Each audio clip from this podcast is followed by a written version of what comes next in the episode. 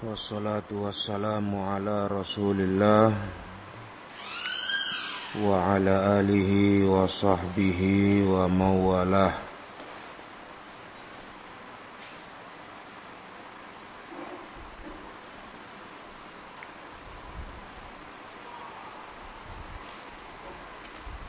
Sekarang kita masuk ke poin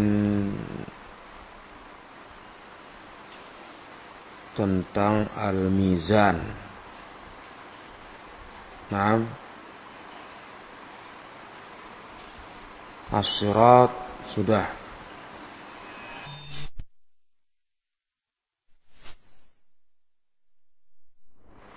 As-siratu hakun sudah.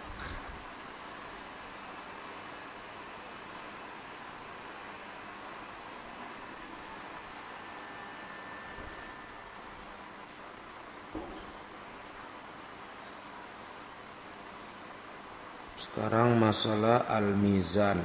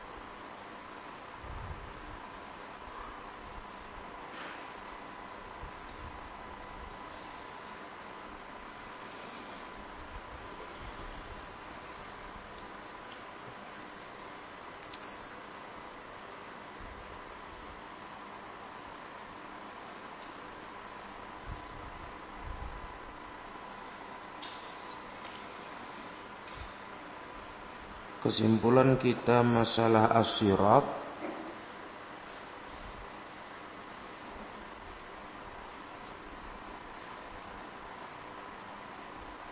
bahwasanya asyirat itu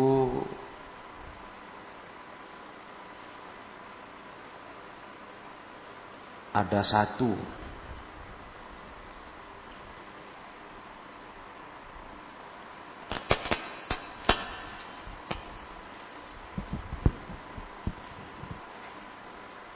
Asyirat itu ada satu.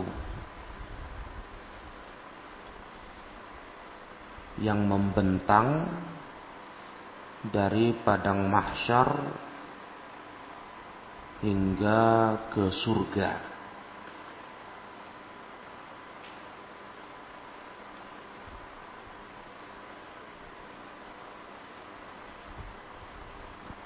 Yang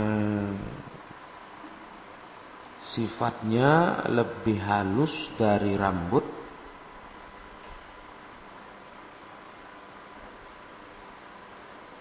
Lebih tajam dari pedang.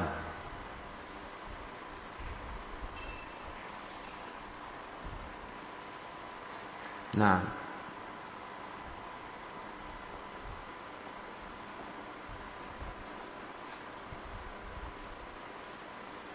yang lewat di atasnya.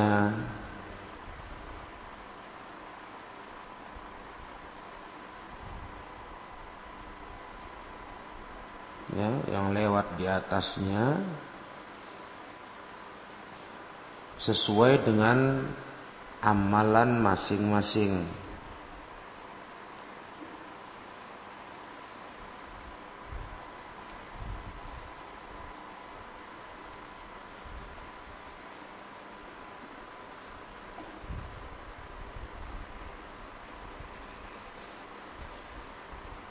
Kalau amalannya bagus,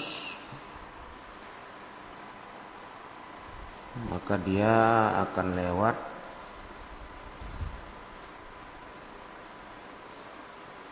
dengan cepat.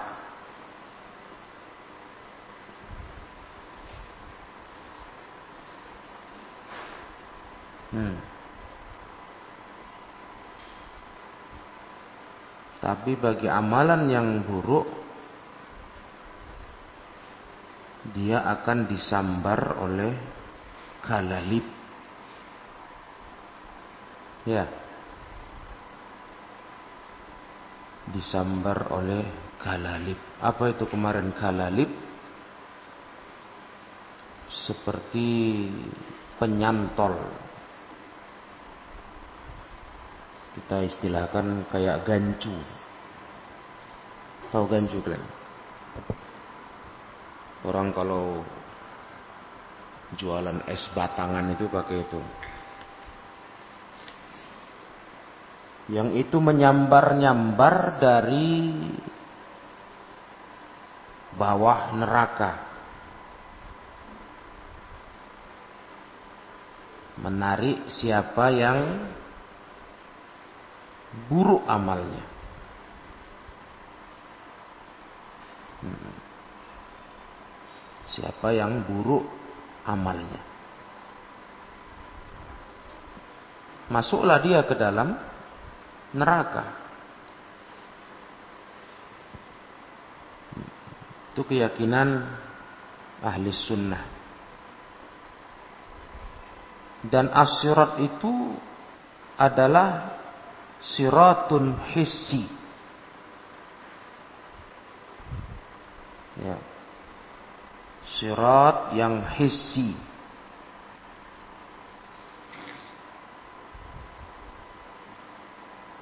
Tahu kalian hissi?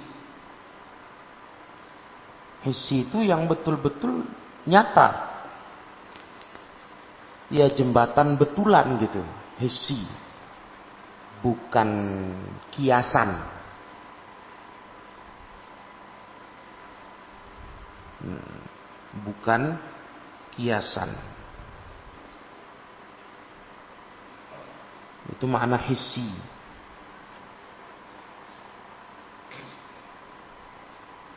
Maka ini berbeda dengan pendapatnya para ahlul bidah.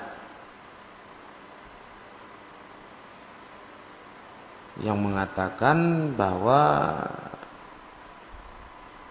jembatan itu bukan hissi tapi maknawi atau hanya sekedar kiasan saja.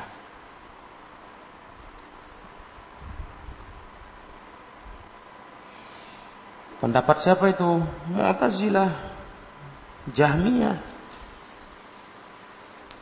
Mereka bilang itu hanya jembatan maknawi. Artinya nggak ada bentuknya, secara makna saja. Dan ucapan ini pasti batil. Bertentangan dengan nas-nas dalil. Kalau itu bukan jembatan yang nyata, bagaimana mungkin Rasulullah memberinya sifat? Apa sifatnya yang tadi kita sebut? Lebih halus dari rambut, lebih tajam dari pedang. Itu kan berarti ada bendanya, itu hissi, ada bendanya. Betul-betul jembatan gitu. Itu yang kemarin kita pelajari. Maka pelajaran kita sekarang lanjutannya adalah masalah wal mizan. Alladzi lahu kaffatani yuzanu fiha a'malul ibadi. Hasanuha wa sayyi'uha haqqun.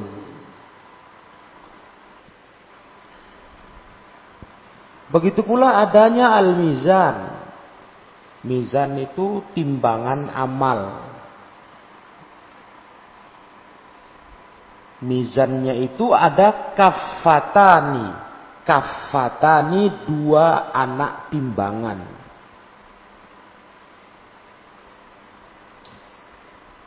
Dua anak timbangan.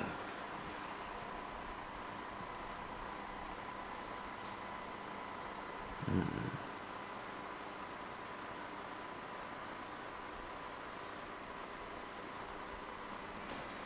Jadi kalau orang nimbang itu kan timbangan lama.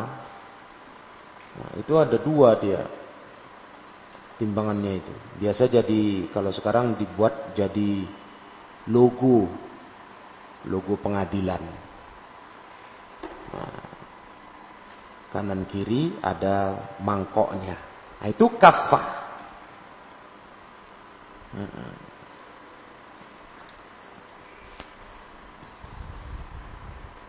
Ditimbang pada timbangan itu amalan-amalan hamba yang baik dan yang buruknya. Dan itu benar adanya. Mizan itu hakun. Ditundakan belakang khobarnya.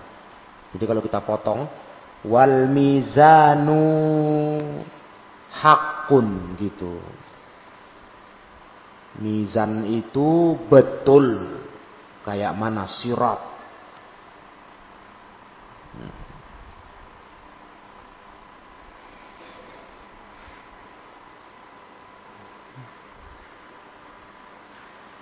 Mangkok timbangan tadi kafahnya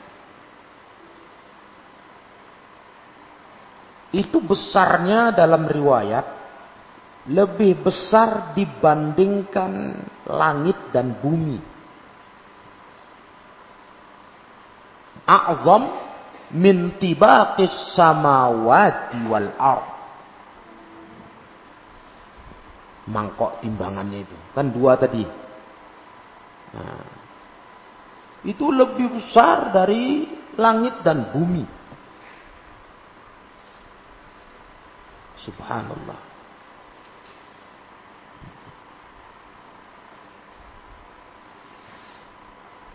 Kalau dalam matannya kitab Aslus Sunnah disebut yang ditimbang itu amalan hamba.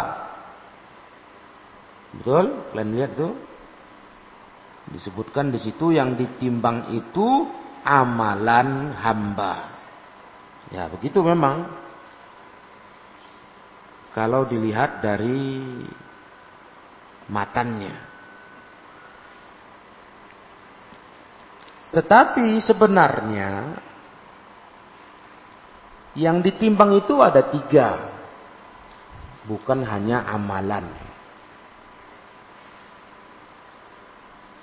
Amalan salah satunya.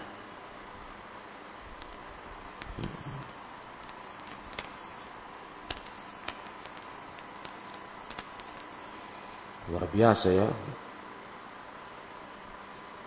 mangkok timbangannya itu sebesar langit bumi. Sampai-sampai ada hadis Nabi SAW bersabda, hadis ini sahih diriwayatkan oleh Imam Hakim, disahihkan Syekh Albani. Apa kata Rasul? Falau wuzina fihi samawati wal ardu lawasiat.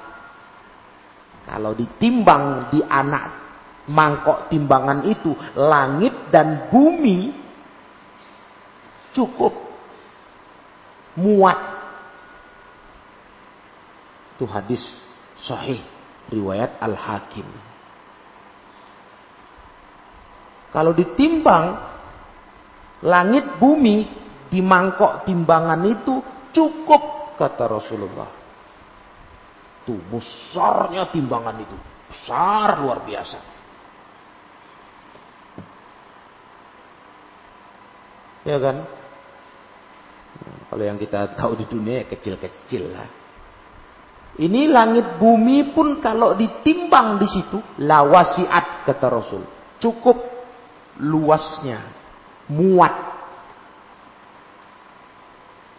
Nah, ini timbangan yang betul-betul hissi, sama kayak sirat tadi, hissi. Hissi itu nyata. Ada bendanya. Jembatannya betul ada bendanya. Timbangannya betul ada bendanya. Hmm. Gambarannya kayak gitu.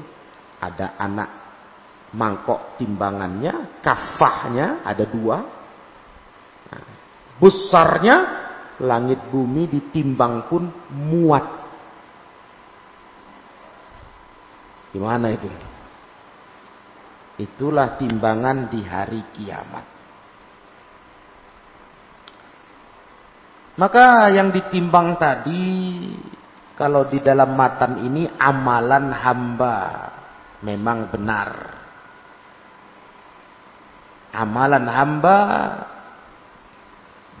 adalah salah satu yang ditimbang di hari kiamat. Ya. Dan ini pendapat dipilih Ibnu Hajar al Asqalani. Penulis kitab Bulughul Maram. Kalau beliau berpendapat amalan hamba itu yang ditimbang.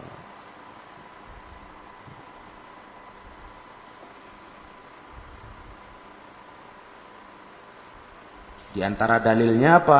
Itu hadis yang kita pernah pelajari. Kalimatani habibatani ilar rahman khafifatani alal lisan. Ingat nggak kalian ada dua kalimat yang kalimat ini sungguh sangat disukai oleh Allah. Habibatani ilar rahman. Khafifatani alal lisan. Ringan dibaca di lisan kita. Tapi faqilatani fil mizan. Beratnya luar biasa dalam timbangan amal nah itu dia padahal cuma bacaan Bacaan itu amalan kan? Nah itu ditimbang. Dia ringan. Dua kalimat ini ringan dibaca, dicintai Allah, berat di timbangan. Apa itu? Hah? Ucapan apa? Kalimat zikir apa? Subhanallahi wa bihamdi Subhanallahil azim. Pendek saja. Tapi kalau kalian baca ini ditimbang nanti di hari kiamat berat itu timbangannya. Saqilatani fil mizan. Itu zikir yang utama. Ringan, gimana nggak ringan? Orang cuma baca Subhanallah wa bihamdi Subhanallahil azim. Dah. Ringan kan? Khafifatan. Dua kalimat yang ringan. Subhanallah wa bihamdi Subhanallahil azim. Duduk-duduk kalian, duduk-duduk, nggak ada kerjaan, baca.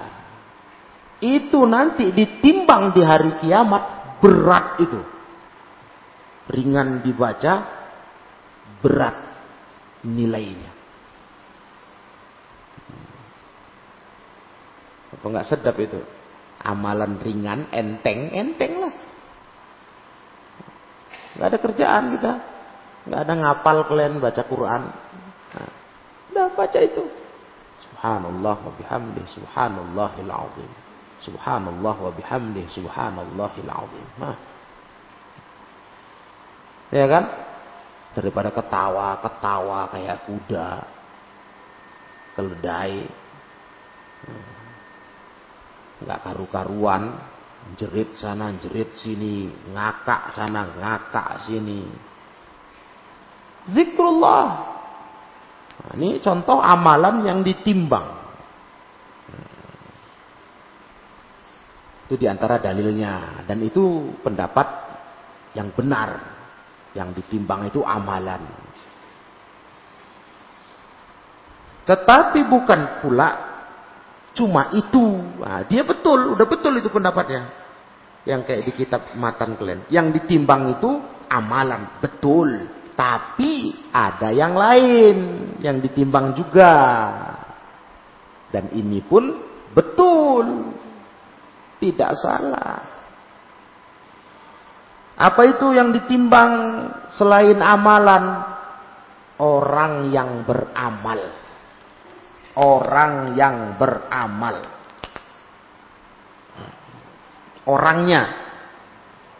Nah, tapi kata Syekh Utsaimin ini tidak semuanya. Ada orang tertentu kalau kata Syekh Al-Utsaimin rahimahullah. Kalau amalan semua orang ditimbang amalannya. Kalau orangnya yang beramal nah itu tidak semua. Contohnya dalilnya hadis Bukhari Muslim Apa kata Rasul? Innahu la ya'tir rajulul azimus samin. Sesungguhnya nanti hari kiamat akan datang seseorang yang sangat besar, azim, gedabak, kayak kata kita. Samin, gendut, gemuk, besar. Begitu ditimbang la yazinu indallahi janaha ba'ubah. Ditimbang badan orang itu yang besar, gendut tadi. Ternyata ditimbang di sisi Allah beratnya nggak sampai seberat sayap nyamuk. Bayangkan kalian tuh. Nah, nggak sampai seberat sayap nyamuk. Nah, ya. Jadi ada yang ditimbang itu badan orang yang beramal, tapi rupanya badan tok besar. Amalan tak ada, ditimbang ringan. Badannya al-azimus samin, azim, gede, samin, samin, gemuk, gendut, ditimbang di timbangan amal, nggak sampai seberat sayap nyamuk. Nah ini orangnya ditimbang. Pengamalnya. Juga sebagai dalil apa yang sudah pula kita tahu hadis tentang sahabat yang mulia Ibnu Mas'ud. Nah, Ibnu Mas'ud Tahu Ibnu Mas'ud kan? Sahabat yang sangat fakih, pintar masalah fikih. Dihormati para sahabat lain. Jadi satu hari Ibnu Mas'ud lagi manjat.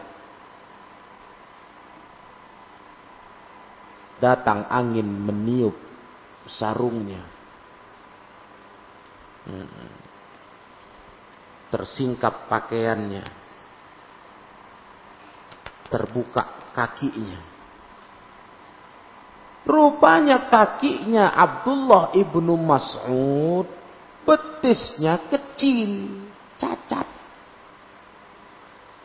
Enggak normal. Enggak kayak betis kita yang normal. Kecil. Masya Allah. Sahabat nengok itu ketawa. Baru tahu gitu. Uh, ketawa-ketawa sahabat lucu liatnya. Rupanya betisnya beliau kecil. Masya Allah. Hmm. Ada Rasulullah di situ. Rasulullah Shallallahu Alaihi Wasallam tanya, apa yang kalian ketawakan? Kalian ketawa karena apa? Karena agak seru ini suasananya ketawa gitu. Sahabat menjawab, "Ya Rasulullah, kedua betisnya kecil." Enggak kayak orang normal. Selama ini kan ketutup pakaian, enggak ketahuan. Jadi pas manjat kena angin nampak. Begitu sahabat ngomong, karena betisnya kecil ya Rasul dua-duanya. Rasul berkata. Nah, ini dalilnya. Ya, lafaz ini yang jadi dalil. Wallazi nafsi biyadih. Demi zat yang jiwaku berada di tangannya. Lahuma asqalu. Kedua-duanya itu lebih berat fil mizani. Di timbangan amalan nanti min Uhudin. Tahu kalian? itu betis kecil yang kalian ketawai kata Nabi lebih berat nanti ditimbang di hari kiamat dari beratnya gunung Uhud padahal kecil tapi betis siapa betisnya orang mulia sahabat mulia Abdullah ibnu Mas'ud tadi yang sebelumnya badannya besar, jangan lagi betisnya, ya kan? Gedabak, gendut, lah ditimbang nggak sampai seberat sayap nyamuk. Nah itu, makanya emang prioritas kita tuh apa? Amalan yang bisa bikin kalaupun kita ditimbang badan berat. Jangan sibuk penampilan. Orang sekarang kan begitu. Penampilan. Memang menakjubkan lah. Apalagi yang memang bibit badannya besar. Dilatih jadi binaragawan. Iya. Mantap. Lah tapi kalau kafir. nggak punya amal soleh ya. Berat lagi sayap nyamuk. Sayap nyamuk berapa kilo? Enggak pandai kita bilangnya berapa berat di mana kayak nggak ada berat ya kan. Sayap nyamuk lah pula. Bukan lalat masih gede, lebih gede lalat. Nyamuk. Itu menunjukkan apa? Memang yang dipandang itu bukan fisik. Nanti bisa nggak ada berat nilai badanmu itu kalau amalmu nggak ada. Makanya Allah la yanzuru ila suwarikum wala ila ajsamikum. Allah nggak tengok-tengok bentuk kalian, rupa kalian, tubuh kalian. Allah nggak tengok itu. Karena itu nggak ada nilainya. Kalau sempat kalian tidak soleh, tidak taat. Walakin yanzuru ila kulubikum wa amalikum. Yang Allah tengok hatimu dan amalmu. Itu yang mau ditengok Allah. Iya. Bukan mau tengok penampilanmu, bodimu. Ya kan? Yang Allah tengok itu amalmu. Bodi ganteng, Masya Allah. Gagah lah, badan gede, tegap, kekar. Amal tak ada. Ah, apa itu? ditimbang di akhirat ringan. Ini nggak cocok ini masuk surga. Cocoknya badan besarnya itu jadi bahan bakar api neraka. Waquduhan naswal hijar. Itu? Nah ini yang ditimbang badan. Tapi itu tadi kata Syekh Utsaimin tidak tidak selalu yang selalu itu amalan. Kemudian yang ketiga yang ditimbang adalah catatan amal. Nah, catatannya. Ya, catatan amal.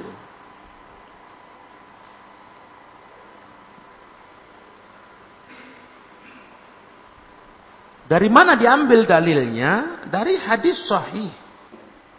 Hadis yang cukup panjang riwayat Tirmizi, Ibnu Majah, disahihkan oleh Syekh Al-Albani rahimahullah. Dan ini pendapat yang dipilih Al-Imam Al-Qurtubi. Al-Imam Al-Qurtubi. Penulis taksir. Beliau lebih milih pendapat ini. Ya, tapi tadi itulah yang kita katakan. Sebenarnya tidak tidak bertentangan. Jadi bukan diartikan dia berlaga. Di, di laga, mana yang betul. Enggak gitu. Yang betul semua. Nah, jadi digunakan jalan mengumpulkan jam'i, tariqatul jam'i dari pendapat yang ada. Bukan dibenturkan. Nah, bukan dibenturkan bukan dengan cara tarjih. Bukan, tarjih itu dilaga mana kuat. Nah. Karena semuanya berdalil, jadi jadi semuanya betul ditimbang amalan, ditimbang badan, ditimbang catatan amal. Nah, yang catatan amal itulah hadis tadi Tirmizi dan Ibnu Majah disahihkan Syekh Al-Albani tentang hadisul bitaqah. Dikenal dengan hadisul bitaqah, hadis tentang kartu. Kartu la ilaha illallah.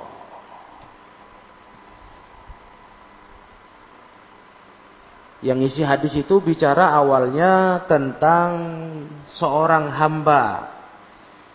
Di hari kiamat dibentangkan catatan gulungan amalan dosanya sebanyak 99.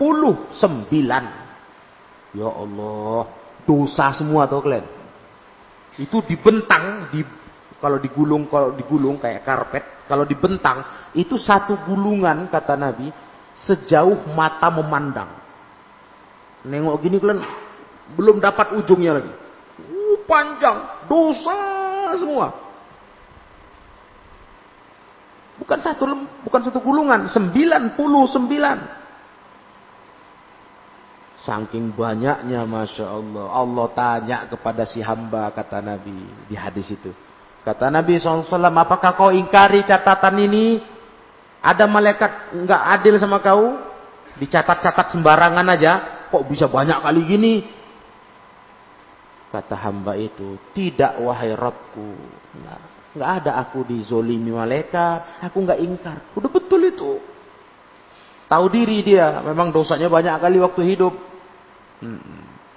Ditanya lagi oleh Rasulullah SAW, kau ada uzur, ada alasan kau, kok jadi kayak gini kau? Catatan banyak kali ini, dosa semua. Ada nggak alasan? Nah, biasa kan manusia cari alasan, ah begini, begini. Nah, makanya nanti di akhirat mulutmu dikunci, yang cakap tangan, kaki. Hamba ini bilang ya Robku, tidak ada wahai Robku, nggak ada alasanku, sudah aku terima. Betul ini, Masya Allah.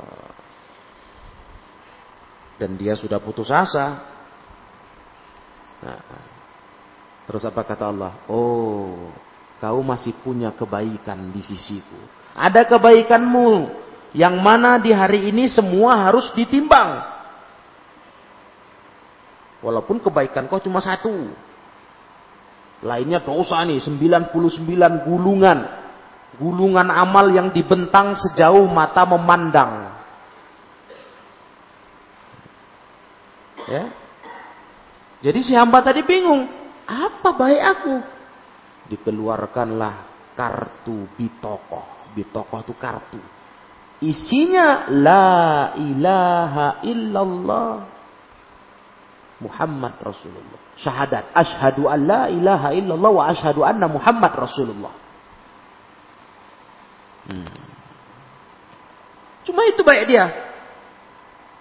Syahadatnya, tauhidnya belum rusak. Ah, itu masalahnya. Belum rusak. Begitu ditunjukkan satu kebaikan itu, Allah perintahkan ke malaikat, hadirkan timbangan. Mari, bawa sini timbangan.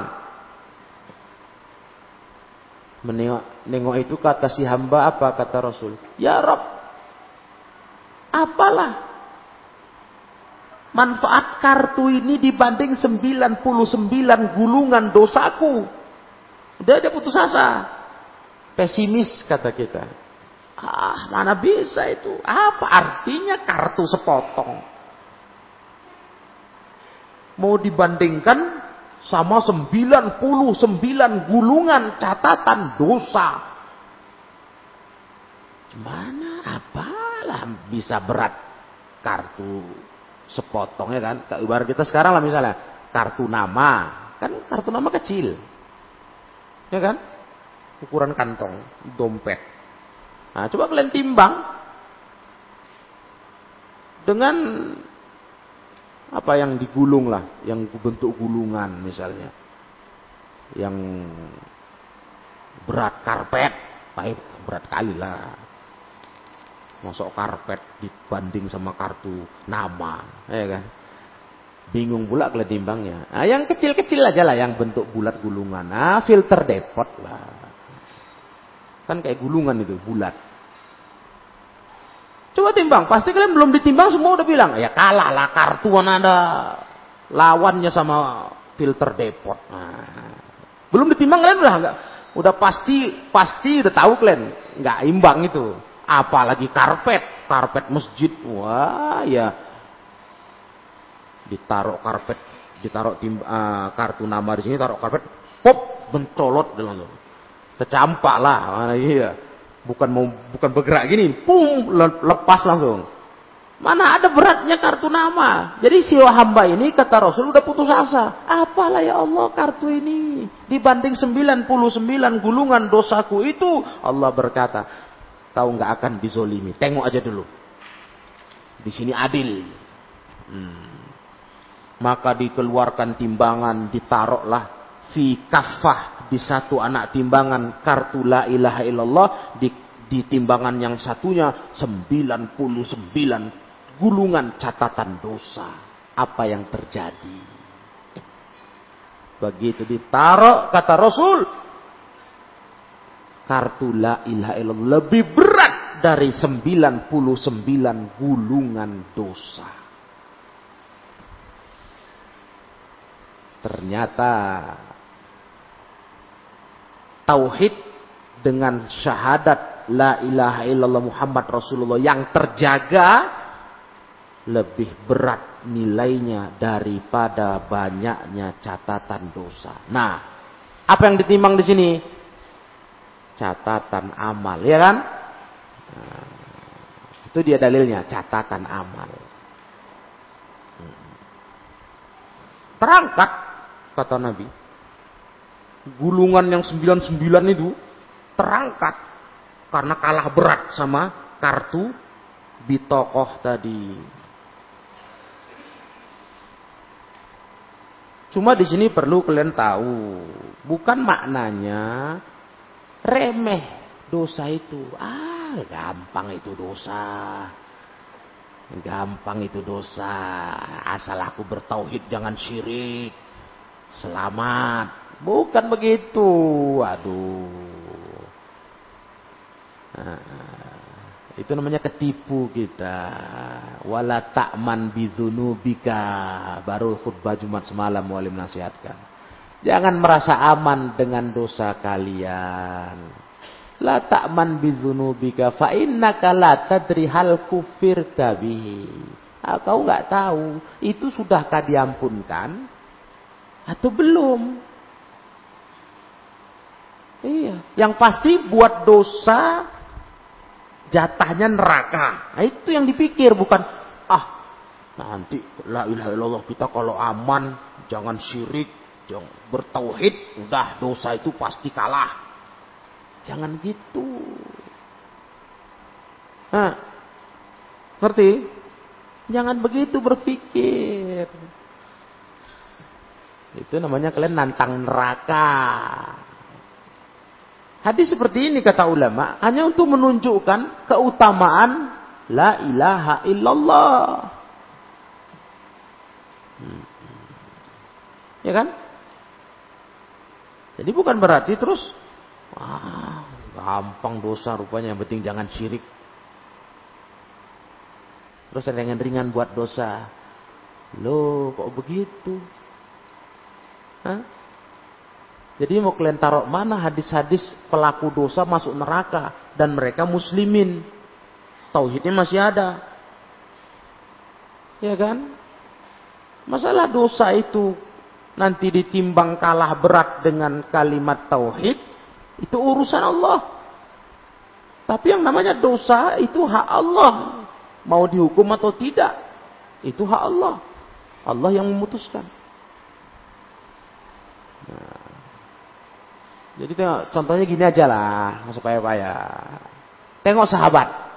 Ini hadis ini sampai ke siapa ini waktu pertama Nabi sabdakan? Yang dengar siapa? Hah? Sahabat. Pernah kalian dapati sahabat setelah dengar hadis ini terus main-main sama dosa? Ah, aku tak mau lagi jihad, tak mau lagi aku sholat wajib di masjid sama Rasul, tak mau lagi aku, aku tak mau, aku mau buat dosa suka-suka hati. Ada?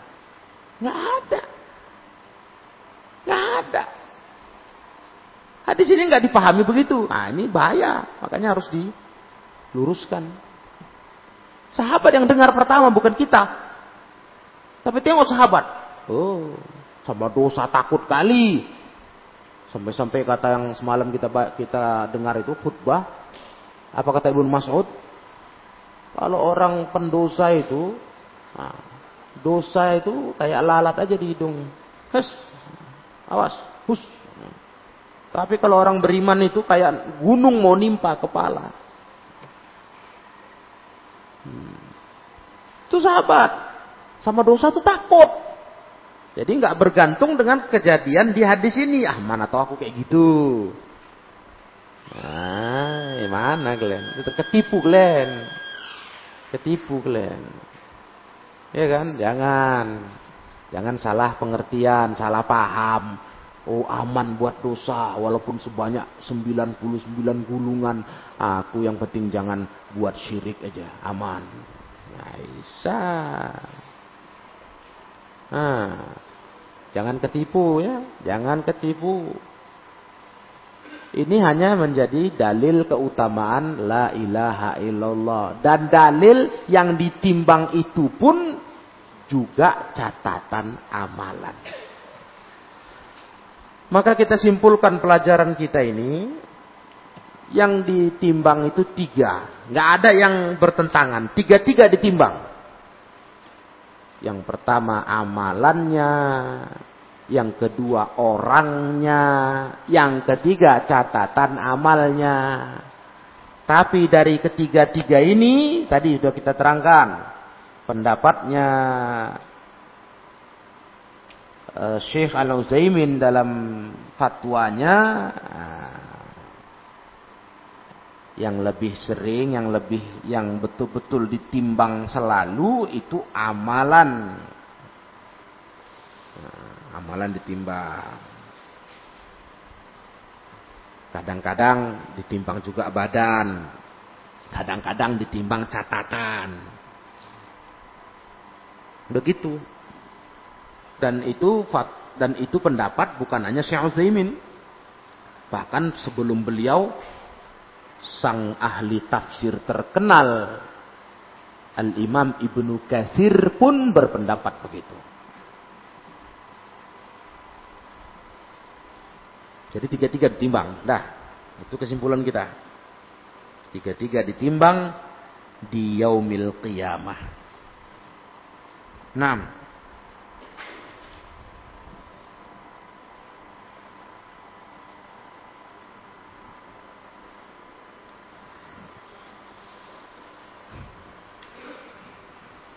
Halas, sudah siap sampai di sini? Nah, masalah timbangan tadi, apakah dia cuma satu atau banyak? Satu tok atau banyak? Kenapa bisa muncul pendapat itu? Karena beberapa dalil menunjukkan seakan-akan timbangan itu banyak menggunakan lafat jamak. Kalian perhatikan kalau dalam dalil ya, itu menggunakan lafat jamak. Lafatnya jamak. Contoh lafat jamaknya ya, bentuk lafat jamaknya misalnya firman Allah taala surah Al-Anbiya ayat 47 wa nad'ul mawazinal qista yaumal qiyamah kami letakkan timbangan-timbangan yang adil ah timbangan-timbangan yang adil. Timbangan-timbangan banyak. Bentuknya jamak. Mawazin. Jamak dari mizan. Mizan itu mufrad. Berarti banyak kata orang. Nah. Atau lebih lebih sering kita baca surah Al-Qari'ah. Apa kata Allah? Fa'amma man thaqulat mawazinuh Adapun orang-orang yang berat timbangan-timbangan amalnya mawazinuh jamak dari mizan. Nah, itu kelihatannya jamak banyak, berarti banyak timbangannya. Nah, sedangkan dalam hadis yang tadi kita barusan baca masalah hadis subhanallah wa bihamdi subhanallah azim. Itu kata Nabi SAW Faqilatani fil mizan. Mizannya cuma satu. Kalimatnya mufrad kan gitu. Jadi gimana ini? Banyak apa satu? Kalau sirat udah jelas satu. Oh, satu. Kalau ini bagaimana? Nah, yang nampak pendapat yang kuat kata ulama. Sebenarnya mizan itu satu. Cuma satu timbangannya. Cuma dipakai kata jamak seperti tadi dalam surah Al-Anbiya, surah Al-Qari'ah. Itu yang maksudnya jamak di situ banyak timbangan, banyak yang ditimbang bukan timbangannya. Jadi kalau kalian nanti baca ayat, loh ini banyak timbangan jamak. Itu maksudnya banyaknya yang ditimbang manusianya, amalannya, catatannya, banyak semua. Manusia sedunia dari awal sampai akhir. Jadi ayat-ayat tadi dipahami begitu. Paham? Hmm. Dipahami bahwasanya yang ditimbang itu karena banyak digunakanlah kalimat jamak. Timbangannya cuma satu,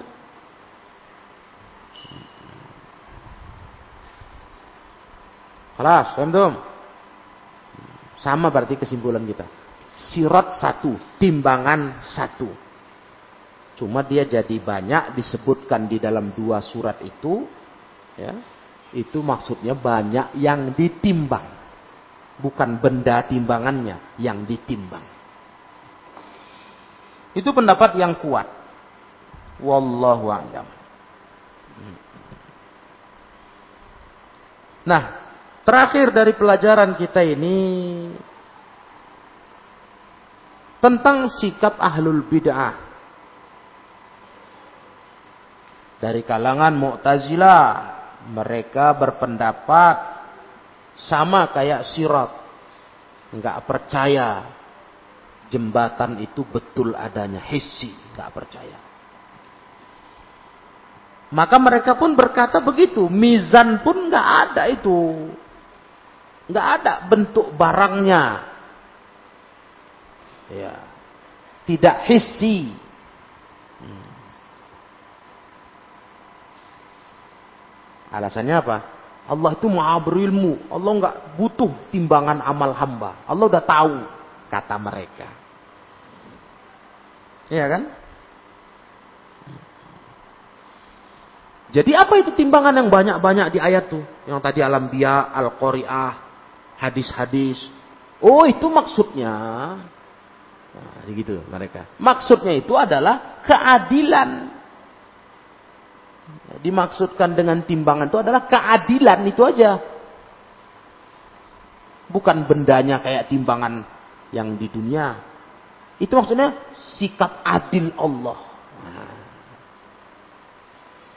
Kalian sudah sudah dengar ilmu ini kira-kira setuju nggak kalian?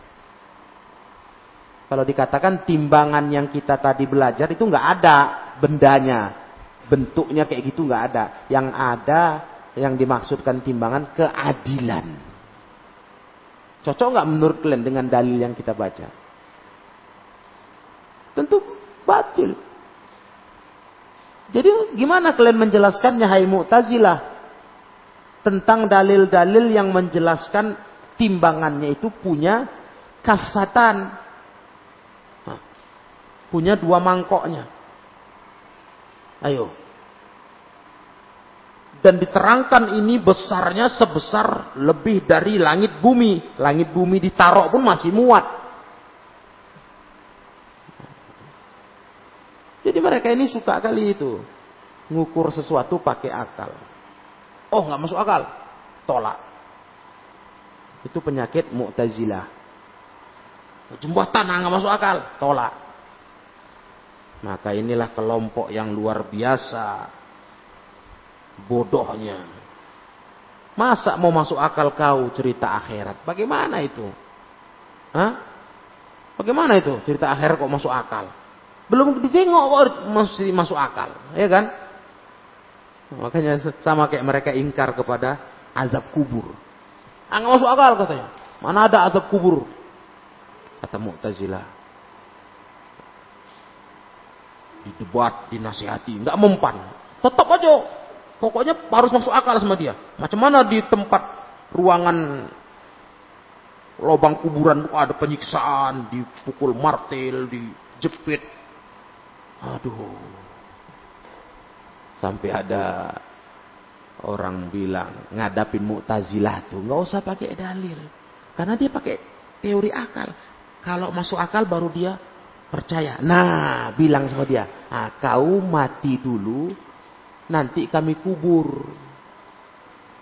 Habis itu kau bangun lagi, baru kita cerita. Betul enggak ada azab kubur? Nah, gitu.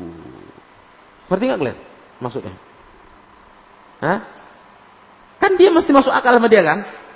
Mesti masuk logika. Nah, suruh dia tes dulu.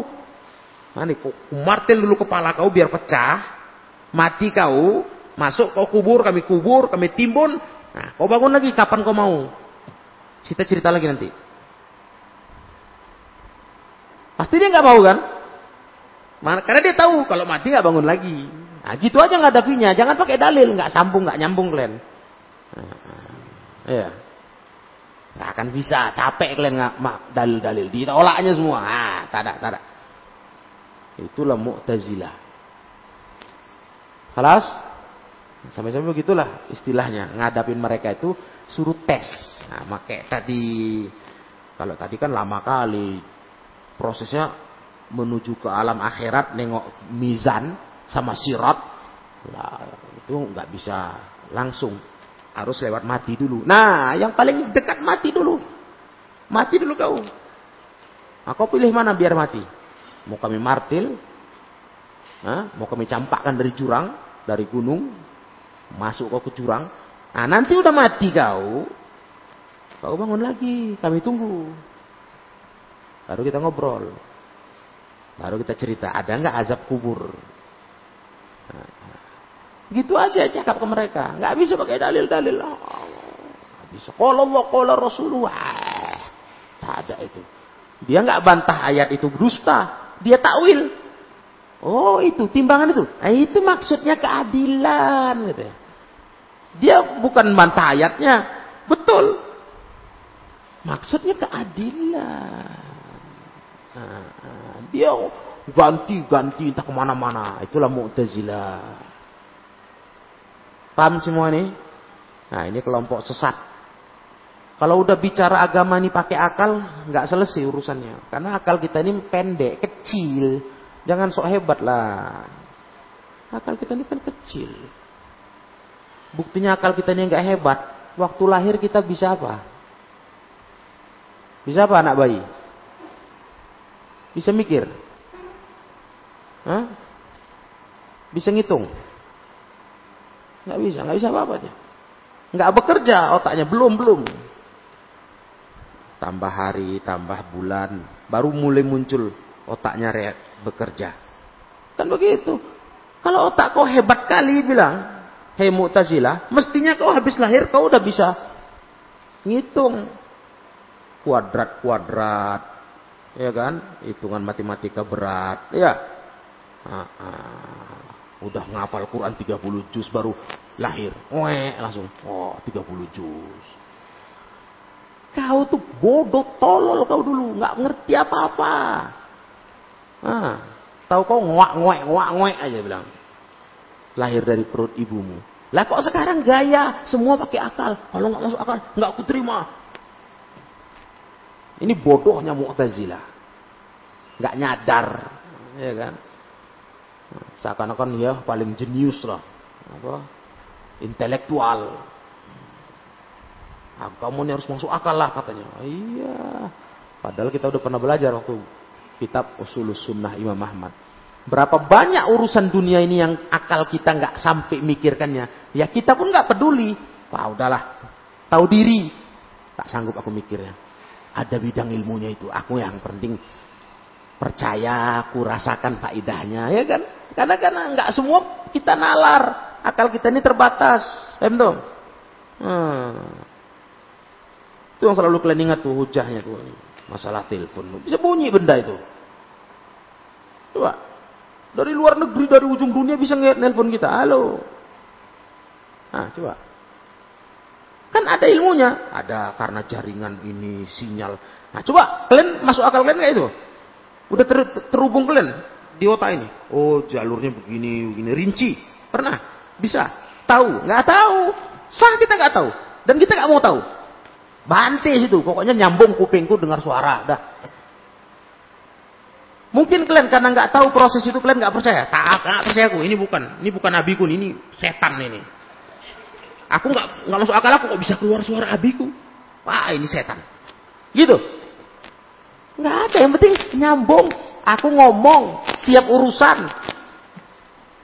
Iya, payah kali. Kok mesti masuk akal? Nggak ngerti kita teorinya gimana. Jaringan-jaringan begini, begini, sinyal. Itu yang ahli aja lah udah bilang. Yang penting suara nongol. Nah, cakap kita. Atau video call sekarang canggih. Kan percaya kalian kan? Itu nggak pakai kabel. Kalau kabel jelas jalurnya jelas kayak ngecok listrik. Ini nggak ada. Loh, masa ada Abi, ada Umi ikut di HP ini? Eh, ini bohong, ini jelmaan iblis ini. Gitu. Bilang Mu'tazilah, maunya kau gitu kalau video call sama keluargamu, istri, anakmu. Ini jelmaan iblis ini. Tak mungkin mereka masuk HP ku ini. Kok bisa muncul?